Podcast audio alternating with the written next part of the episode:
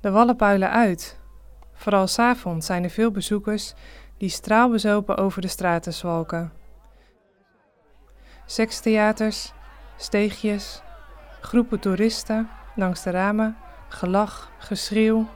Soms bonken ze op mijn raam en maken ze suggestieve opmerkingen. Een groep vrienden van een klant bleef laatst buiten hangen en leverde de hele tijd commentaar. Vlak daarna kwam er een hulpverlener langs.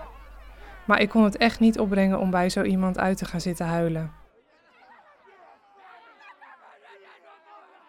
Het is een andere wereld, de wallen. Een plek waar je alleen overleeft als je net doet alsof het niet uitmaakt. Ik werk zes dagen per week en de zevende lig ik thuis in bed, in een donkere kamer, de gordijnen dicht en de lampen uit. Geen licht, geen geluid, geen contact. Alleen duisternis en stilte. Mijn gedachten staan dan ook stil. Er is niets. Ik voel niets, denk niets.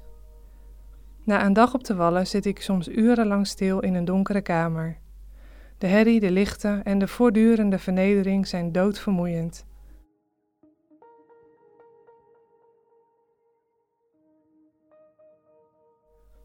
Op de wallen gaan mensen stuk. Ze verliezen zich in een wereld die hen kapot maakt. Mensen zien elkaar niet, ze maken alleen gebruik van elkaar. Ze lijken geen enkele limiet meer te hebben. Maar als er even stilte of echt contact is, zie ik soms iets anders. Schaamte, ongemak. Als er maar genoeg herrie en afleiding is, hoef je hier niets mee. Soms stel ik me voor dat de wallen helemaal stilvallen dat er ineens een oorverdovende stilte is. Geen muziek, geen geroep, maar stilte. En dat die stilte dan een hele tijd duurt. Stilte waarin we elkaar echt aankijken, echt met elkaar spreken en echt in elkaars hart kijken, zonder maskers.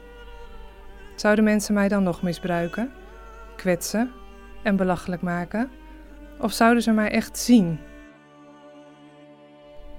Zouden mensen zich dan niet afvragen wie ik echt ben?